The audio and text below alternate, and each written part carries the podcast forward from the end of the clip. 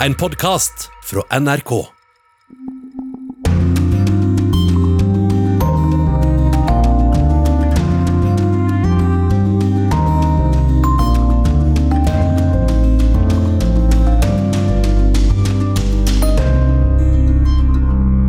Hvordan er det å reise tilbake til landet med flest koronasmittede og døde? Bli med kollega Tove Bjørgaas på flyet til USA. Jeg merker at jeg fester munnbindet litt strammere. Nå skal jeg jo inn i USA, og jeg har lest om koronasmitten blant de ansatte i TSA som sjekker bagasje og pass. Afrikanske land risikerer å miste 20 millioner jobber i år pga. koronarestriksjonene. Det rammer også vinindustrien i Sør-Afrika. Han har ikke solgt en eneste flaske vin siden portforbudet i Sør-Afrika ble innført. Ukens korrespondentbrev er postlagt i Storbritannia. Jeg er her for å forsøke å beskrive omfanget av pandemien i Storbritannia. På det verste døde det ett menneske per halvannet minutt. Mustafa var moralpoliti i den islamske staten. Nå prøver han å leve av å selge dagligvarer. Møt han i podkasten Krig og fred. Og hva har gudfaren av jihad, hellig krig, til felles med tidligere popartist Cat Stevens? Det får du svar på senere i sendingen. Velkommen til Urix på lørdag, i studio Anja Strønen. Først så skal vi til Brasil, som rykket oppover på en sørgelig statistikk i går. Det er nå landet med nest flest koronasmittede i verden etter USA. Og over 21 000 er døde, og det går hardt utover helsepersonell. Kollega Arnt Stefansen i Rio de Janeiro har møtt en av de som kjemper for andres liv og sitt eget. De døde på jobb i kamp mot koronaviruset, og deres navn blir her lest opp under en markering i Brasils hovedstad Brasilia. Mer enn 15 000 sykepleiere er blitt smittet med koronaviruset her i Brasil, og mer enn 100 er døde. Det er de høyeste tallene i verden i forhold til folketallet. Blant dem som har sett kolleger dø på jobb, er den 40 år gamle Maria de Conceição Meneses, som er sykepleier ved to ulike sykehus her i Rio de Janeiro. Situasjonen er bare til å gråte over, sier Maria til NRK. De daglige dødstallene stiger, og jeg føler meg mer maktesløs for hver dag som går. At kolleger dør, gjør selvsagt et ekstra sterkt inntrykk, men dette handler jo ikke om meg. Det handler om alle dem vi skal prøve å redde. Og tallet på pasienter som jeg behandler, har nå steget til mer enn 1000 om dagen, sier hun. É ver pessoas, vidas sendo tratado como números. Jeg opplever at mennesker og menneskeliv blir behandlet som tall. Det er noe av det verste med jobben akkurat nå. Dessuten opplever jeg at vi sykepleiere blir veldig dårlig behandlet. Vi har dårlig smittevernutstyr og for lite opplæring i å bruke det. Vi er overbelastet og underbetalt, og dessuten lever vi i stadig frykt for å bli smittet og dø. Det er en fryktelig tid for Brasil, sier sykepleieren Maria Meneses i intervjuet med NRK her i Rio de Janeiro. En ny grav blir lukket på en kirkegård i Brasils største by, Sao Paulo. Mens kisten dekkes av jord, er kun tre pårørende til stede for å ta det siste farvel. Koronaviruset tar ikke bare livet til våre kjære, det tar også fra oss muligheten til en verdig avskjed, sier Flavia Gias, som var en nær venn av den avdøde. Vi kan ikke holde likvake for den som er gått bort. Den døde sendes rett fra sykehuset til kirkegården, og vi får ikke engang legge ned blomster pga. smittetiltakene. Det gjør avskjeden ekstra tung, sier hun. Tallet på dødsofre for korona stiger nå voldsomt her i Brasil, og sammen med USA har landet hatt det høyeste tallet på døde den siste uka. Samtidig fortsetter landets president sin kamp for å gjenåpne økonomien, og han får støtte fra sine tilhengere foran presidentpalasset i Brasilia.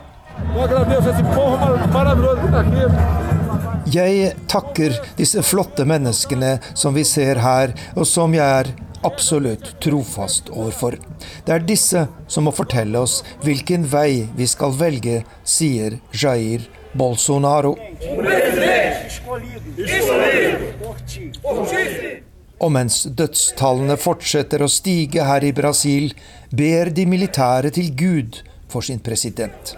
Bønnen avsluttes slik. Bolsonaro er oss.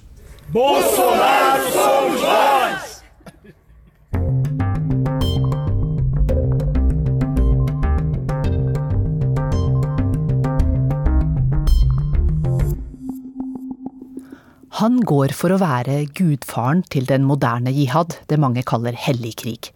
Han var en inspirator for både to søstre fra Bærum og utallige martyrer selv etter sin egen død.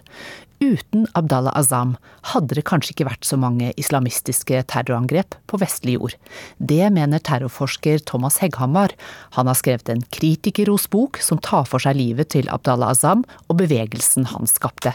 Og jeg spurte Hegghammer tidligere i uka hvem denne Azam var. Han var en palestiner opprinnelig. Uh, Utdanna teolog. Han hadde doktorgrad i teologi, så han, han var en, en religiøs autoritet. Eh, og så hadde han vært eh, aktiv islamist, altså medlem i Det muslimske brorskapet i mange år. Og hadde masse bekjentskaper rundt omkring som han brukte da til å mobilisere. Uten han så hadde man ikke hatt eh, denne fatwaen, denne ideologiske inspirasjonen som på en måte er motivasjonen for mye fremmedkrigervirksomhet. Og uten han så hadde man heller ikke hatt denne organisasjonen som gjorde at så veldig mange fremmedkrigere kom til Afghanistan på 80-tallet. Eh, og eh, bin Laden, Al Qaida og alle sånne påfølgende veldig radikale eh, si, utslag av denne bevegelsen. Ingen av de hadde vært i Afghanistan uten Azam. Så han er på en måte forutsetningen for mye av det som skjer senere. Men hvordan lander da en palestiner i Afghanistan på starten av 80-tallet under krigen i Afghanistan? Jo, han hadde jo da forlatt eh, Palestina i 1967, som nevnt. Eh, altså Pga. Eh, den såkalte seksdagerskrigen og Israel okkuperte Vestbredden, der, der han bodde. Og etter det så, så tilbringer han litt tid i Jordan, litt tid i Saudi. Han studerer tre år i Egypt. Og så havner han tilbake i Jordan, hvor han bor på 70-tallet. Men siden han er islamist og kritisk til regimet, så havner han i trøbbel med myndighetene, eh, som misliker at han kritiserer eh, deres politikk. Så rundt 1980, så, eller I 1980 så, så blir han rett og slett sparka fra jobben sin på universitetet i Amman, og uh, mer eller mindre pressa til å forlate landet. Og, Fordi han var for radikal, eller? Ja, han var sett på som en oppvigler, som en dårlig innflytelse på studenter. Uh, og da er han på en måte rotløs igjen. Han har ikke noe sted å dra. Og så, så drar han til Saudi-Arabia og jobber litt der, men trives ikke særlig godt. Og så ser han en annonse uh, for en jobb i Pakistan, uh, på et universitet i Islamabad.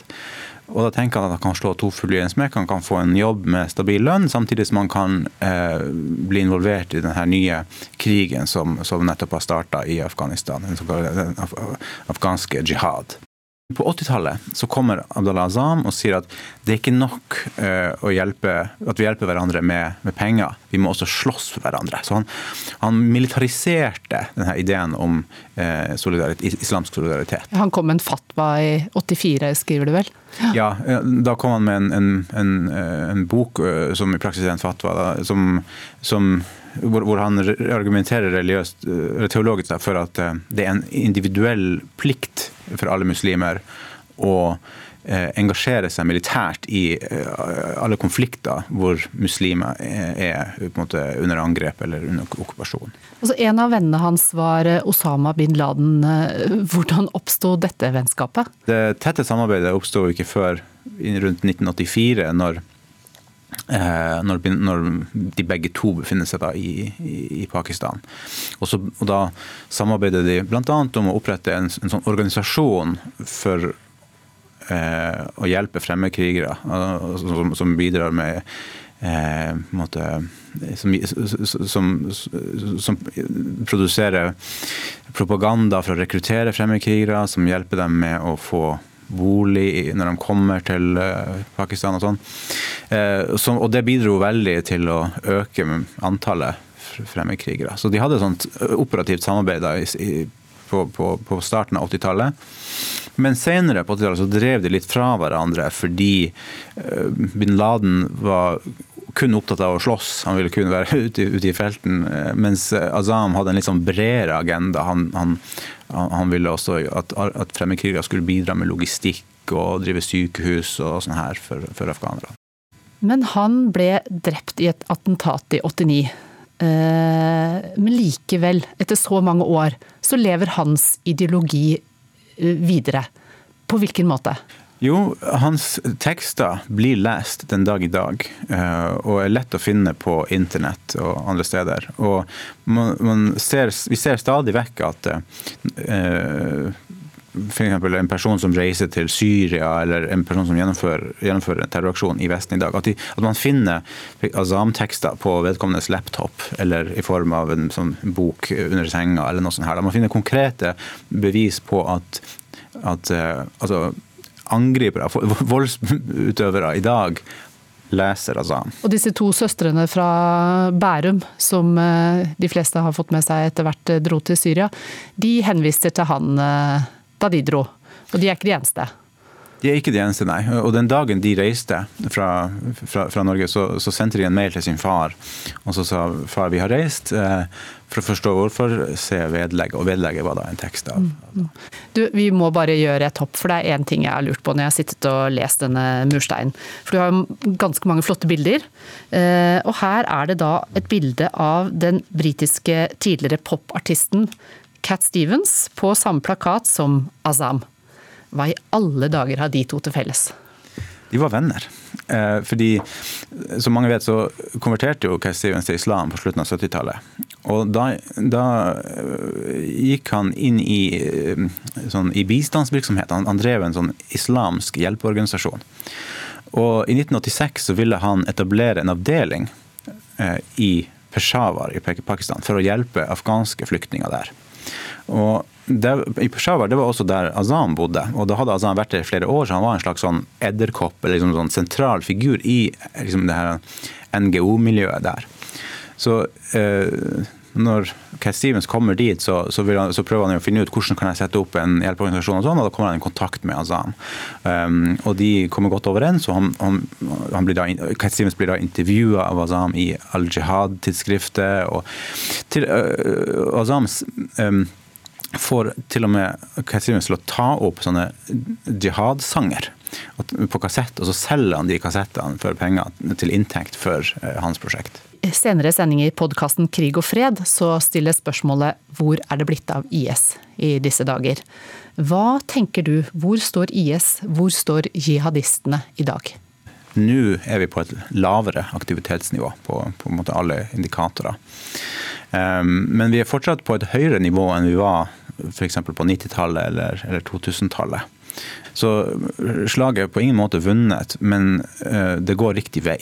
Eh, og, og klart at IS er eh, mye svakere enn det var i sin storhetstid i 2015. Og Azam vil fortsatt være en inspirator, tror du? Ja, det, det, det tror jeg.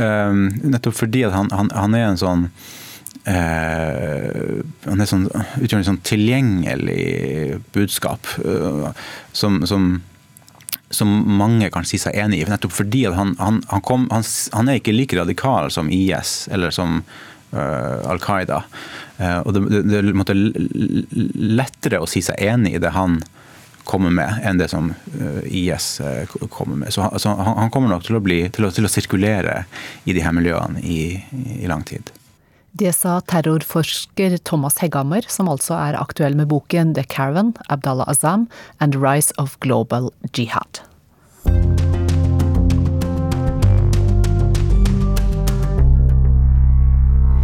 USA så åpner strender, hoteller og restauranter mange steder denne helgen, for det er da amerikanerne vanligvis markerer at sommeren er i gang.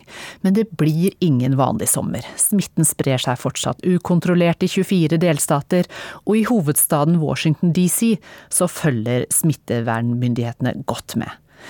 Kollega Tove Bjørgaas fløy denne uka til en fortsatt stengt amerikansk hovedstad.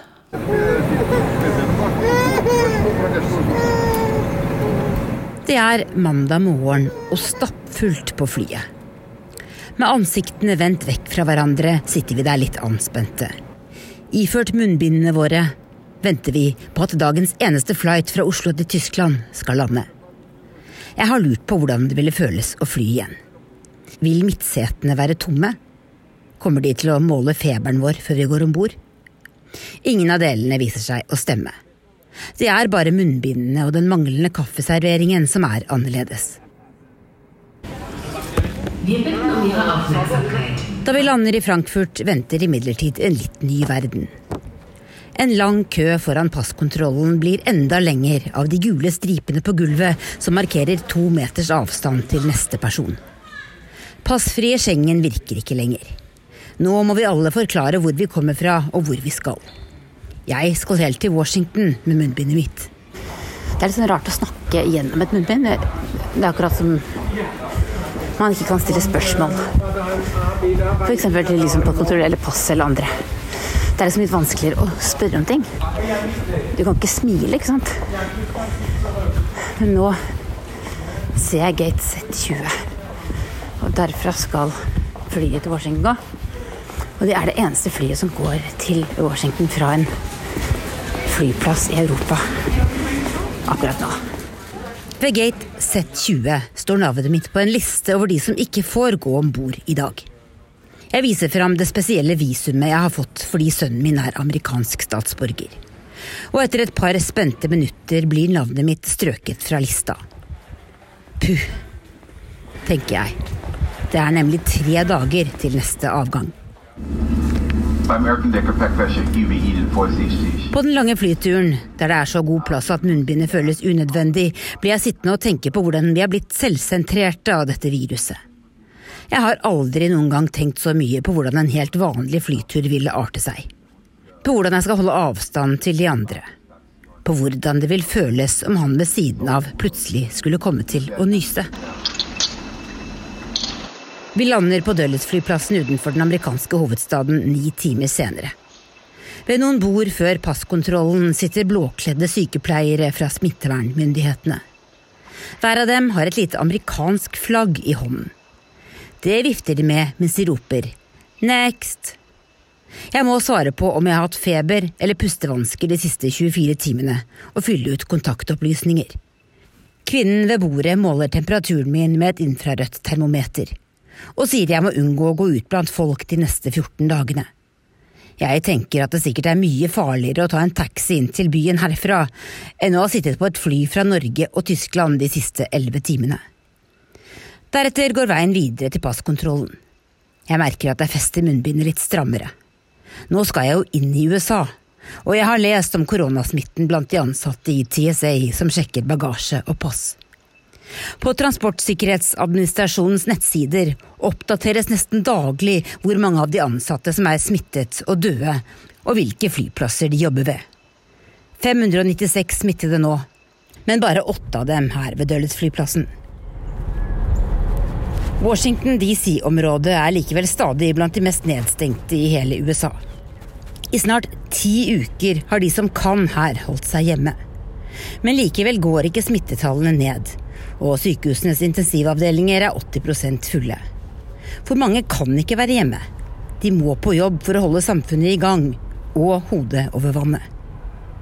Washington DC er ingen stor by, men ser du på et kart, er den delt i fire deler som kan ligne kakestykker. I det nordvestlige kakestykket finner du Det hvite hus, de fleste severdigheter og velstående boligområder med et overveldende flertall av hvite og klart færrest koronasmittede. Det er der jeg skal bo. Det er i den østlige delen av byen at smittetallene ikke vil ned. Her bor de fattige og mesteparten av den afroamerikanske befolkningen i DC, som utgjør 46% Men 80% av de som er døde av covid-19 her, er afroamerikanere. Now the rest of the world know what our reality is every day. If you live in a community that is poor, black, brown, or impoverished in America, there are certain health outcomes that you experience every day. Nå vet resten av verden hvordan virkeligheten vår er, sier Angela Also Brooks, som er ordfører i forstadskommunen like øst for Washington, på TV. Høyt blodtrykk, diabetes og lungesykdommer er langt mer utbredt blant afroamerikanere enn i resten av befolkningen i USA. Det vises nå veldig tydelig i de dystre dødstallene som øker med flere tusen hver uke.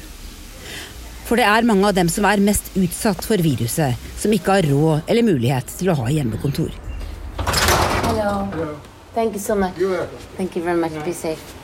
Mannen som kommer på døra for å levere kofferten min som ikke kom fram i tide, er afroamerikaner. Og når jeg neste formiddag sitter på porchen foran huset, ser jeg tydelig hvordan et nedstengt Washington DC ser ut. På terrassene foran de andre husene sitter mennesker som ser ut som meg, og drikker kaffe eller deltar i videokonferanser på laptopene sine. På gata nedenfor stopper varebiler ustanselig. Amazon, dagligvarekjeder eller UPS. Afroamerikanske sjåfører kommer ut av dem, med esker og poser som vi hvite som sitter foran husene har bestilt på nett. Den neste uka kan jeg trygt bare være her i huset og vente på slike poser.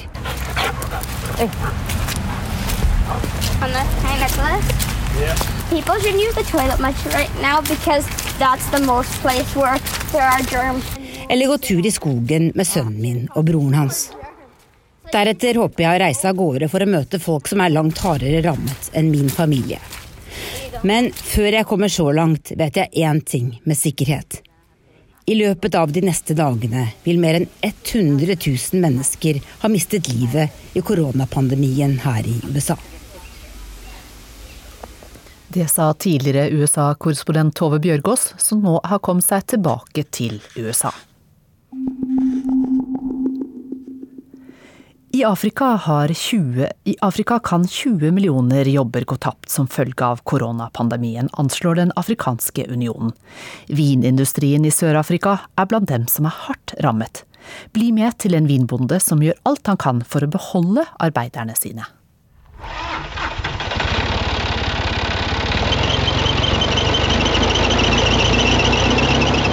En sky av grå jord virvler opp i lufta bak en traktor og blander seg med den skyfrie himmelen over Nantes Estate. Dutoitsklov-fjellene ligger som et bakteppe av blå bølger i det fjerne. Utenfor Cape Town dyrkes det meste av Sør-Afrikas vin, men pga. covid-19-pandemien er mange arbeidere blitt permittert. Ja, ne. I åkeren står John Carlse i blå kjeledress. Han er vinarbeider, men nå saumfarer han små mørkegrønne busker etter solmodne chilier. Ja, dis maar net uh, ander plase lê so twee weke af. Gee twee weke af dan kom die ander mense weer in. De fleste jeg kjenner som jobber på vingårder, jobber bare to uker på og to uker av nå. De har de samme utgiftene som før, men må klare seg på halvparten av lønna, sier John bak en hvit maske. Selv har han kunnet beholde jobben fordi bonde Sandile Mkwanasi har begynt å dyrke chili og kål som alternative inntektskilder.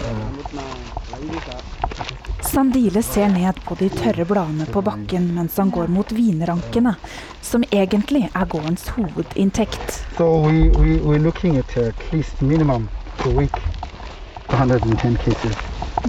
han har ikke solgt en eneste flaske vin siden portforbudet i Sør-Afrika ble innført, fordi salg av alkohol er forbudt. Til tross for tøffe tider har han nektet å gi slipp på ansatte. Arbeiderne til bonden i Sør-Afrika er blant de heldige på kontinentet. Afrikanske land risikerer å miste 20 millioner jobber i år, ifølge en studie fra Den afrikanske union. Før pandemien anslo African Development Bank at den økonomiske veksten på kontinentet skulle bli 3,4% i år. Men nå tror man at det vil bli en nedgang på mellom 0,8 og 1,1% Følgene for jobbmarkedet kan bli dramatiske, også for de 290 000 arbeiderne i vinindustrien i Sør-Afrika. Uh, Marina Kalo forteller at flere arbeidere har mistet jobben under portforbudet. Hun er kommunikasjonsrådgiver for bransjeorganisasjonen Wines of South Africa. Um, there are many other jobs that are associated with the wine industry. Many of our wineries have restaurants on them. Hun sier at arbeidsplasser som er knyttet til vinindustrien også kan bli borte, og at de som f.eks. serverer på restauranter står i fare for å miste jobben. Inne i hovedhuset på Nantes Estate bretter Emily Carroll seg opp skjorteermene og knyter en ekstra knute på tørkleet hun har på hodet. Hun er hushjelp og skal vaske bryllupssuiten, som nå står tom. Vanligvis er det både bryllup og turister som leier suiten. Men under portforbudet har det ikke vært noen her. Die mannen werk, maar die vrouwen mos nou af, so die vrouwen word nie betaal soos verstaan het, ja. Hun forteller at flere kvinner enn menn blir permittert eller mister jobben nå. Menn blir lettere satt til andre oppgaver på gårdene, mens kvinner, som ofte er hushjelper, blir permittert. Så er Emily ferdig med å vaske skapet i bryllupssuiten. Hun vet ikke når det kommer noen for å bo her neste gang.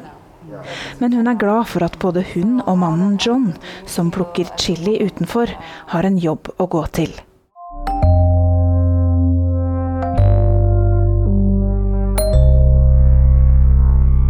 Ukas korrespondentbrev er postlagt i Storbritannia.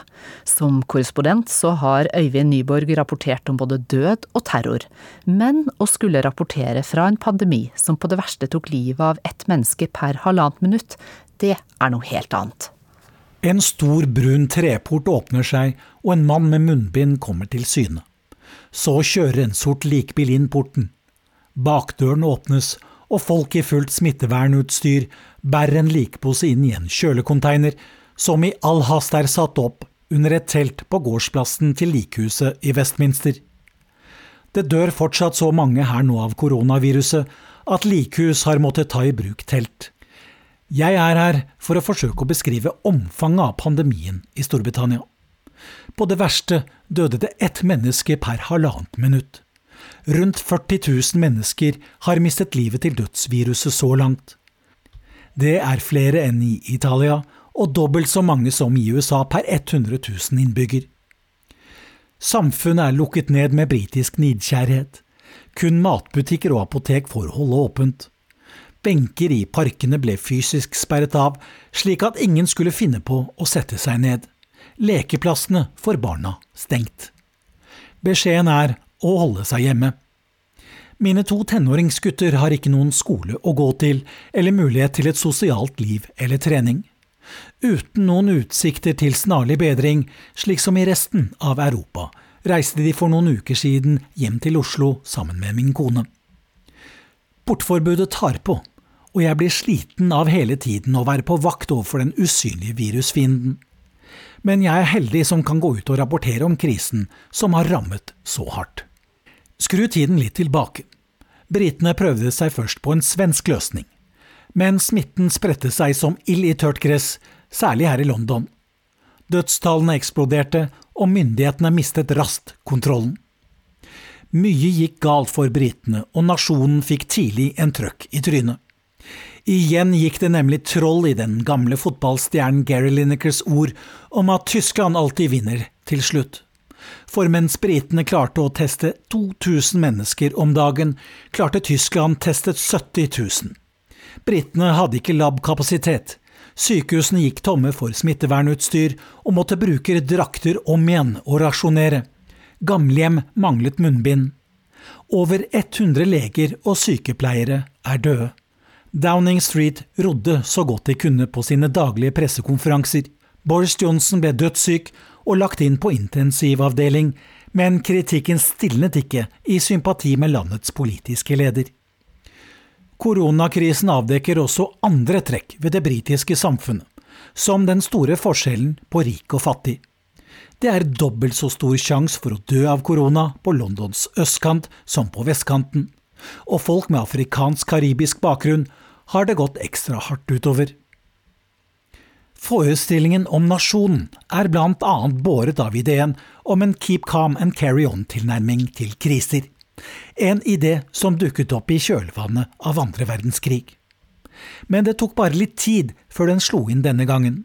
Med angst i blikket slåss folk om doruller på butikken, og panikkhandlingen førte til tomme butikkhyller i flere uker.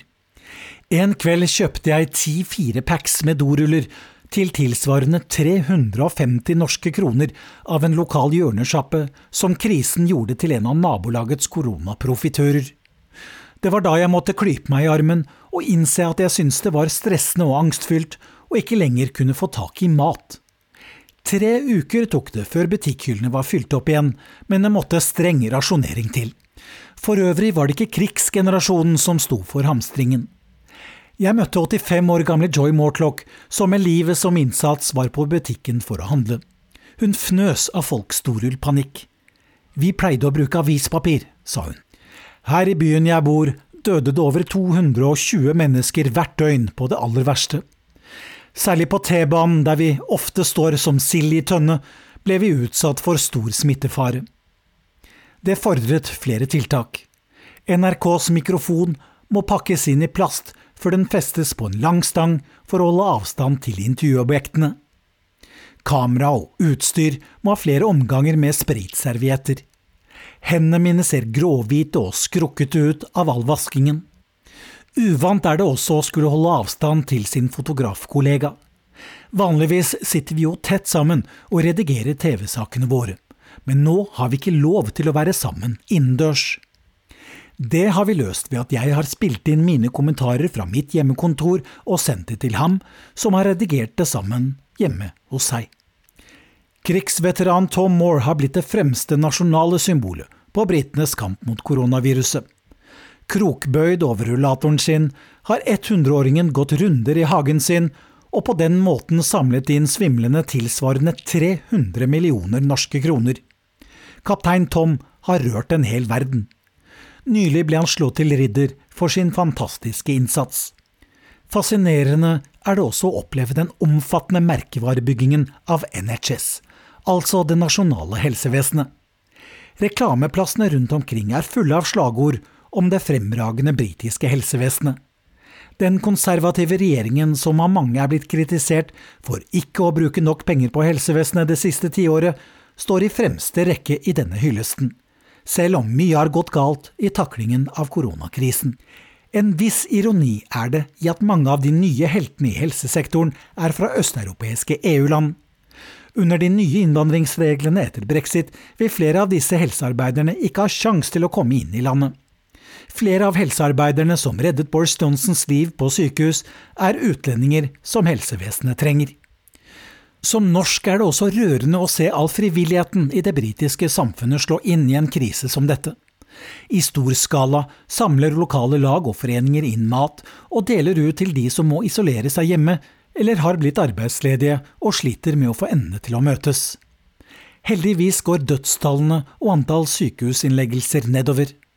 Sakte, men sikkert skal samfunnet åpnes igjen, også her. Nå kan vi være ute så mye vi vil, bare vi bruker munnbind på T-banen. Fortsatt er alt stengt, men på noen kafeer kan du kjøpe en kopp kaffe gjennom en sprekk i døra. Det gir et lite glimt av håp om at butikker, frisører, puber og treningssenter kan åpne igjen i juli. Øyvind Nyborg, London. Og Øyvind Nyborg er på plass for NRK under koronakrisen også, i London.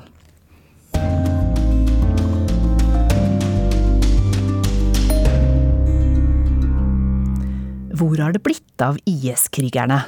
Det spørsmålet stilles i ukas podkast Krig og fred.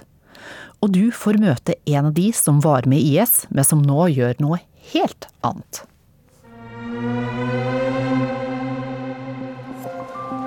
Mustafa var i moralpolitiet under IS i Syria. Hans jobb var å gå rundt med en kalasjnikov og passe på at folk fulgte de strenge religiøse reglene. Men nå har den frykta islamske staten falt, Og Mustafa prøver nå å holde liv i kone og fem barn ved å selge hermetikk og nøtter. Hvor ble det egentlig av alle de som kjempa for IS og for kalifatet? Du hører på Krig og fred med Christian Aanensen og Tore Moland. Det Mustafa gjør i dag, han har startet en butikk, eh, matbutikk. Han prøver å leve fra den butikken, forsørge sin familie. Han har fem barn. Eh, han merker presset fra samfunnet. Han merker at folk ikke liker han. Han merker hatet. Han vet at eh, mange hater IS fordi IS har vært så forferdelig mot lokalbefolkningen. De pisket, henrettet, de er brent. Eh, det de gjorde mot menneskeligheten, var jo ubeskrivelig. Han vet alt dette her. Men samtidig, når det tuer, så, så vet jeg at han trigler om hjelp. Han ber om at folk skal tilgi han. Han ber om at folk skal glemme hva IS hadde gjort. Mitt navn er Mohammed Alayobi. Jeg er journalist og fotograf i NRK. Mustafa, det er ikke hans ekte navn. Han vil ikke stå fram med navn, han vil ikke stå fram med bilde. Han ville heller ikke la seg intervjue av deg på radio? Absolutt ikke. Han vil ikke det helt tatt, fordi han frykter at han blir bortført, i verste fall drept. Og derfor så har du rett og slett intervjua han via WhatsApp, en meldingstjeneste? Hva var det du gjorde i moralpolitiet? نحن كنا نراقب محلات بياعين وقت الصلاة نمنعهم ونخليهم يسكروا Vi tvang butikkene til å stenge under bønn, vi overvåket matprisene på markedet, og vi fulgte med på at folk eh, ikke jukset med vekta. Da vi spør han hvorfor ble du med IS, så sier han vi ble ikke med IS, det var IS som kom til oss. Ja, hvordan da? Så sier han du skjønner, alle som var med FSA, Free Syrian Army, eh, hadde to valg. Enten forlater de byen, eller bli med IS, i verste fall bli drept. Uh, så han mener at han ble med i IS under tvang? Det sier han. Og når vi spør hva han gjorde i IS, så var jo han med eh, moralpolitiet. Og moralpolitiet er jo en av IS verste avdelinger. Det er jo eh, IS eh, apparat for å holde et samfunn i sjakk. Og han hevder sjøl at han ikke gjorde noe vondt, at han ikke skadet noen. Men jeg spør han om hva er reglene? Hvis noen hadde juks på vekta, om noen hadde gjort noe feil i strid med sharia-lovene, så sier han veldig enkelt at jo, har jukset, så blir det snakket til første gangen, neste gangen får du bot, tredje gangen så blir du piska, blir dratt på torget, samlet folk rundt seg, og så blir de pisket. Ja, hvor mange piskeslag? Ja, det kan være åtte og oppover. Men det er ikke tvil om at uh, de har klart å, skremme. Uh, det er jo, og det er jo det som er uh, paradokset, da.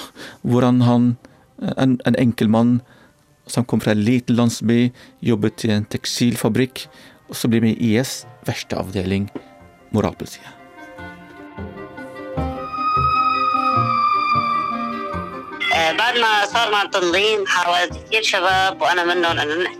Vi prøvde å kontakte ham etter at vi fikk høre at han har blitt med i IS.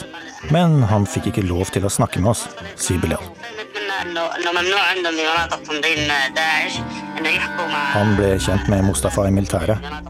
Senere var begge med i noen av de tidlige demonstrasjonene mot Assad-regimet. Men mens Bilal har kjempet mot Assad i den frie syriske hæren, valgte Mustafa å slutte seg til IS. Bilal eh, Jeg hadde mange samtaler med Bilal, og Bilal forteller om Mustafa at han, han kjente ham veldig godt, og han ble veldig overrasket, nesten sjokkert, da han fikk vite at uh, han dro til IS og blindt å jobbe for dem, ikke minst i moralpolitiet. Og jeg spør ja, hva syns du om han nå? Han syns det er veldig vanskelig, hva jeg skal tro om Mustafa. Det er veldig vanskelig for meg, fordi han var borte fra meg i mange år og var med, og var med IS. Og når jeg spør, stoler på han, stoler på Mustafa at han kanskje ikke gjort noe vondt eller Så sier han Mohammed, vet du hva, jeg stoler ikke på han. Har jeg vært med moralpolitiet, så er det punktum finale, finish, over. De som har vært med der, er veldig ekstreme.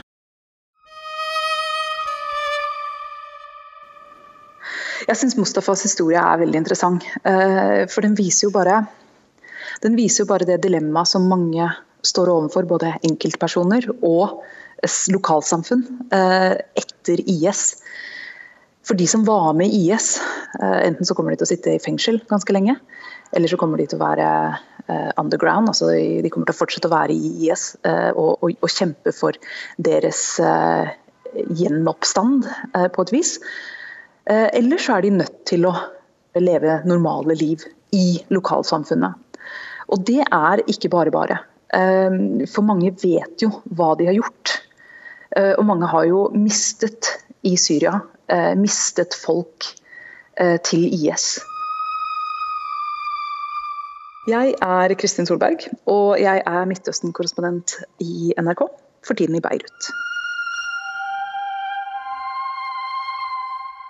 Dette er jo ikke noe som bare foregår i Syria. Det foregår i Etter enhver krig så kommer det et sånt oppgjør. Eh, hvor, hvor, de som er på den tapende siden, på et eller annet vis eh, må, må, må, leve eh, igjen blant dem som vant. Og ofte med folk da som de har begått urett mot på et eller annet vis. Hva betyr det? Får man hevnaksjoner f.eks.? Ja, altså de, de, er nok i fare for det. De har nok en grunn til å være bekymra. Slik at eh, Mustafa og sånne som han har nok en grunn til å eh, være eh, litt eh, ekstra påpasselige. men så tror jeg også at man kan se at det kan komme altså mindre Eh, mindre konsekvenser. At man f.eks. da boikotter deres levebrød, ikke vil ha noe med de å gjøre, vender dem ryggen, den type ting. Eh, som jo jeg tror, tror er ganske vanlig. Jeg må si at En ting som slår meg når jeg reiser gjennom Syria, i mange av de områdene hvor IS har hatt fotfeste og står sterkt, så er det veldig mange som står veldig sterkt mot IS nå. ومجالدة أعداء الله ووفقهم ومكنهم Det var sommeren 2014 at det islamske kalifatet ble erklært fra moskeen i Mosul av lederen Abu Bakr al-Baghdadi. Syrian Observatory for Human Rights har anslått at IS til sammen hadde rundt 100 000 mann under våpen. Men i mars i fjor mista de sitt siste landområde, i Baghuz, på grensen mellom Syria og Irak og i oktober ble IS-lederen al-Baghdadi drept i et amerikansk angrep inne i Syria. Abu Bakar al-Baghdadi is dead. Mohammed al-Ayubi, hva skjedde med Mustafa etterpå? Uh, uh, han ble tatt, i likhet med flere tusen andre, inn i fengselet. Uh, ifølge han så sier han at han satt i fengsel i 50 dager, og jeg spør hvordan var det? Jo, det var samme 50 år. Det var vanskelig, fordi jeg var uskyldig. Jeg har ikke gjort vondt mot noen, jeg har ikke skadet noen. Ja ja, men hva skjedde i fengselet, da? Jo, det var en, en hyggelig vakt som satt med meg hver eneste dag og forklarte meg om islam, eh, den moderate formen for islam, og han, vakten fortalte meg om hva IS gjorde mot eh, lokalbefolkningen, eh, hvor galt det var men 50 dager høres ut som en ganske mild straff, egentlig? Problemet i Syria er ikke ett land lenger. Eh, altså Der han ble tatt, er ikke Assad-regimet, og det finnes ikke et system som fungerer. Tenk deg at du har flere tusen i fengsler. Hvordan skal du gi dem mat? Hvordan skal du uh, gi dem uh, penger, slik at kan familien deres bli forsørga? Og så vil skaffe et katastrofe i et samfunn. Så derfor uh, ble de nødt til å løse dem ut etter 50 dager, fordi de hadde ikke kapasitet.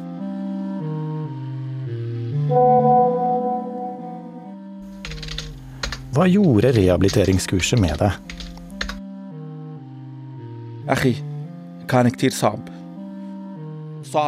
Bror, det er vanskelig å forklare.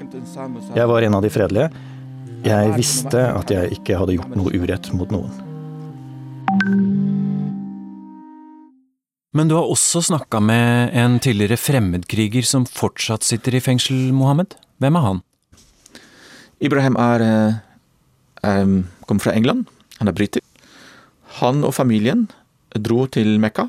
Det var mor som tok han, sammen med eldrebror og lillebror og to søstre. De dro fra England til Mekka. Fra Mekka sa moren at nå skal vi til, på ferie til Tyrkia. Og de dro fra Tyrkia inn i Syria. Det var Slutta seg til kalifatet? Til kalifatet og ble med IS. Og han eh, var eh, På det tidspunktet så var han 14 år. Eh, kort tid etter så ble hans eldstebror drept. Og det var et sjokk for moren, men for andre familiemedlem sa de dette han ble motyr, Han kommer til paradiset. Altså Han sa det var et sjokk å se andre sier til oss at han kom til paradis veldig sammen med det. Han giftet seg da han var 16 år, og nå sitter han i et fengsel i Nordøst-Syria.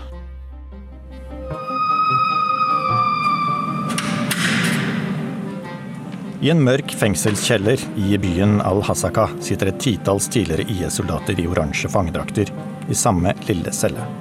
En av dem er Ibrahim Iqbal, egentlig fra Bradford i England.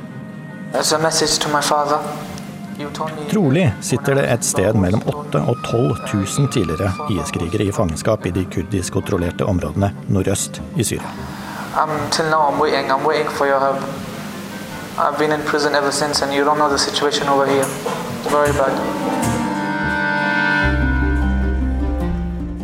Han sendte en melding til sin far på engelsk under det intervjuet, der han trygla til om, om, om hjelp.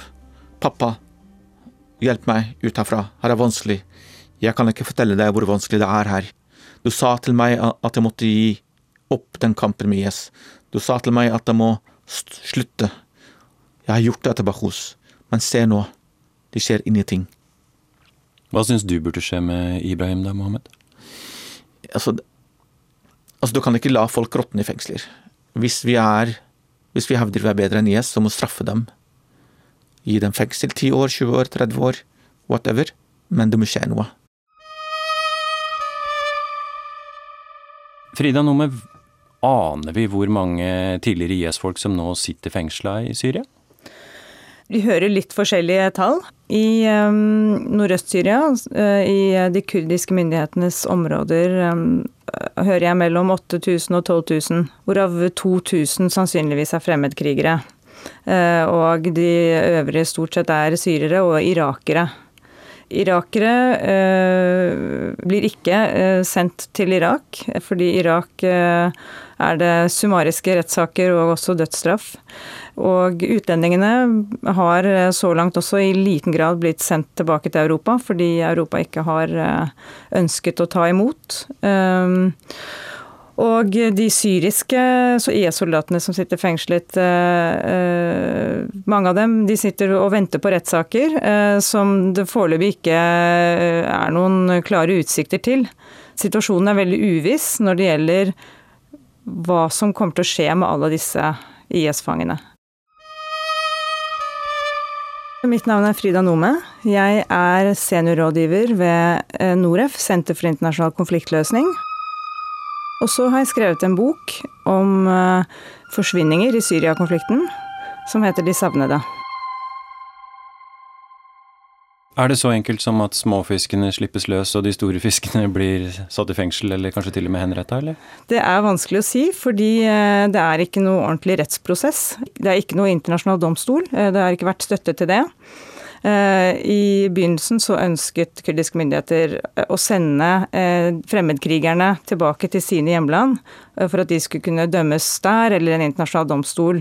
Da det ikke kom noen respons på dette, så, så har de snakket om et ønske om å ha en internasjonal domstol på stedet, fordi det er også der eh, vitnene finnes. De som har levd under IS, befinner seg jo i dette området.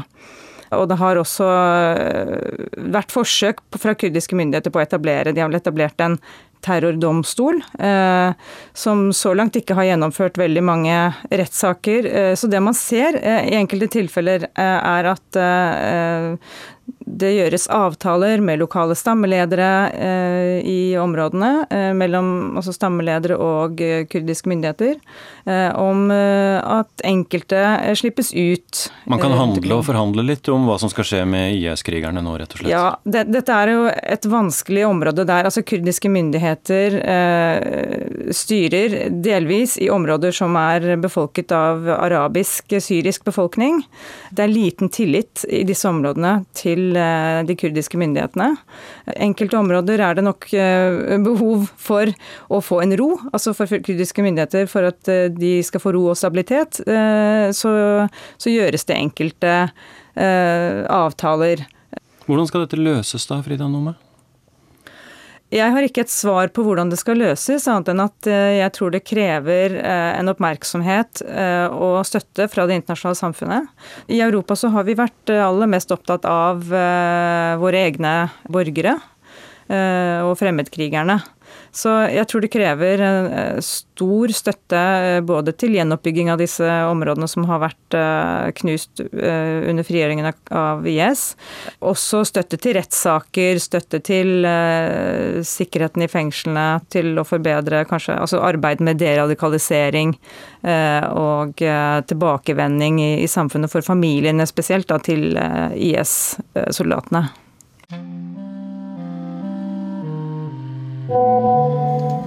Men angrer du på IS-medlemskapet ditt? ايه انا ندمان بس الناس تطلع في انه ما زلت انا مع داعش Ja, jeg angrer. Folk ser fortsatt på meg som et IS-medlem, men jeg har ikke skadet eller slått noen. Jeg gjorde bare det min religion sa jeg skulle gjøre. Hva gjør Mustafa nå, Mohammed? Han sier selv at, at eh, jeg, gjør, jeg, er ikke opptatt av IS lenger, jeg er ikke opptatt av den ideologien. Men samtidig så undrer han om at han sliter fortsatt med den tankesettet som IS har klart å plante i huet hans, og det normale livet han lever i nå. Men hvordan blir Mustafa behandlet av eh, lokalsamfunnet i byen der han bor, da? Det er ikke tvil om at uh, når folk vet at han har vært med moralpolitiet, vært medlem av IS, det er ikke noe det er ikke noe hyggelig å være der. Og det skjønner jeg veldig godt. Eh, folk kom til butikken, krangler med han, gi ham blikk. Folk som visste at han var med i IS. Det går ikke til butikkene hans og handler. De boikotter han rett og slett? Selvfølgelig gjør de det. Veldig.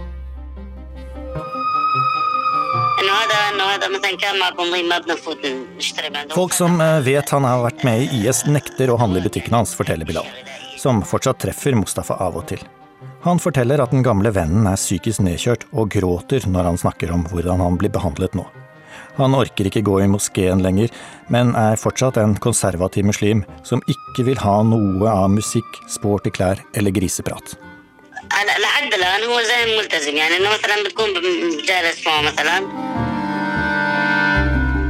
Og, og kompisen hans fortalte en historie som var liksom eh, dramatisk.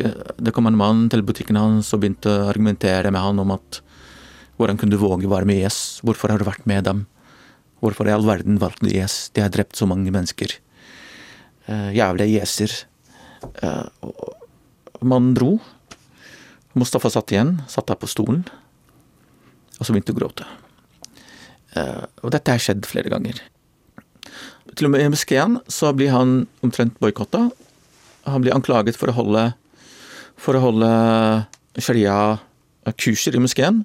Så blir han avvist, kasta ut, så han mistet listen å gå til moskeen. Og når jeg spør kompisen hans hva tror du om Mustafas fremtid, han sa det er enten går han til å bli gal, eller bli artist. Eller gå tilbake til IS. Så ler han til slutt, da. Det er noen han ikke tror. Men, men det er ikke tvil om at det er veldig vanskelig situasjon for veldig mange. Ja, Skal vi synes synd på dem, liksom? Um, en gang må dette stoppe, da. En dag må en si slutt.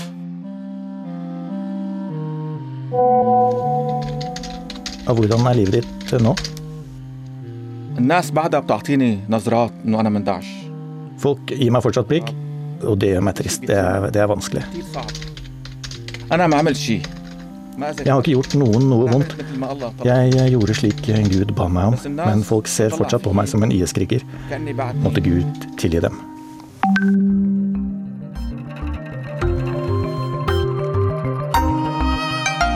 Du har hørt Krig og fred fra NRK Urix. Lydregien var ved Lisbeth Sellereite.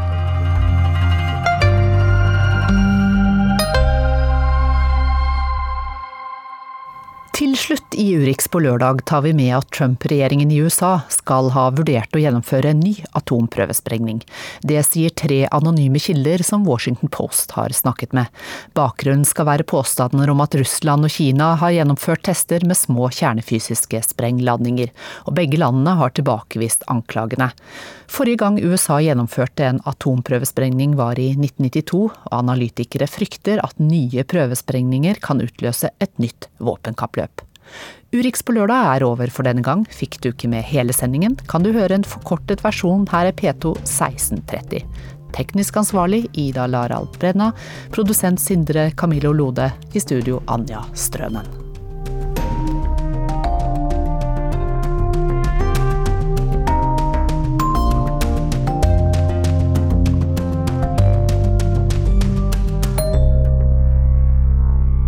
Du har hørt en podkast fra NRK. Hør flere podkaster og din favorittkanal i appen NRK Radio.